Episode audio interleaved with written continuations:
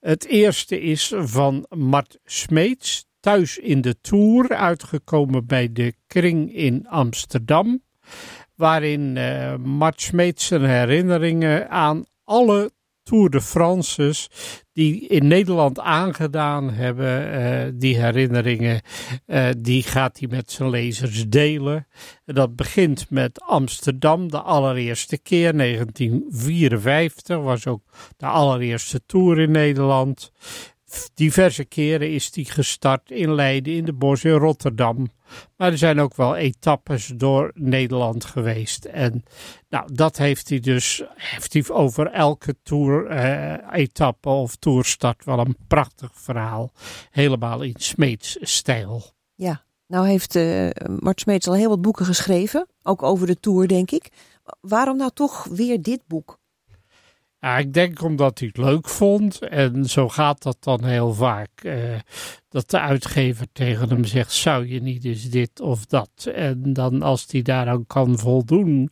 Hij heeft een, een leuke stijl van schrijven. Tikkie afstandelijk, zoals hij zelf ook wel een beetje overkomt. Ja. En ja, hij heeft een vaste schare lezers. Dus uh, die wil hij bedienen.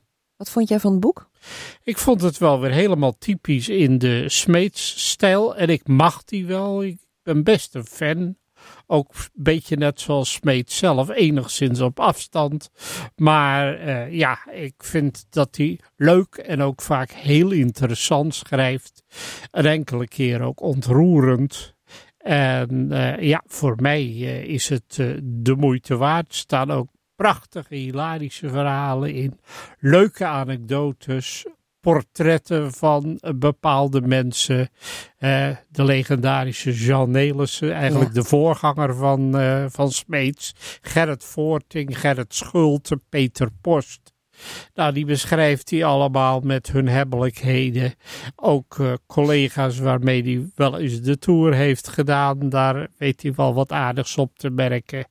En dat had ik inderdaad al in een eerder boek van hem gelezen, maar toch ook wel nu kwam dit er ook weer in voor, de Tour in Rotterdam. Met Ivo Opstelt, net als burgemeester af daar. Maar ook met Lance Armstrong, die daar de Daniel Den Hoed kliniek heeft bezocht. De ja. kankerpatiëntjes.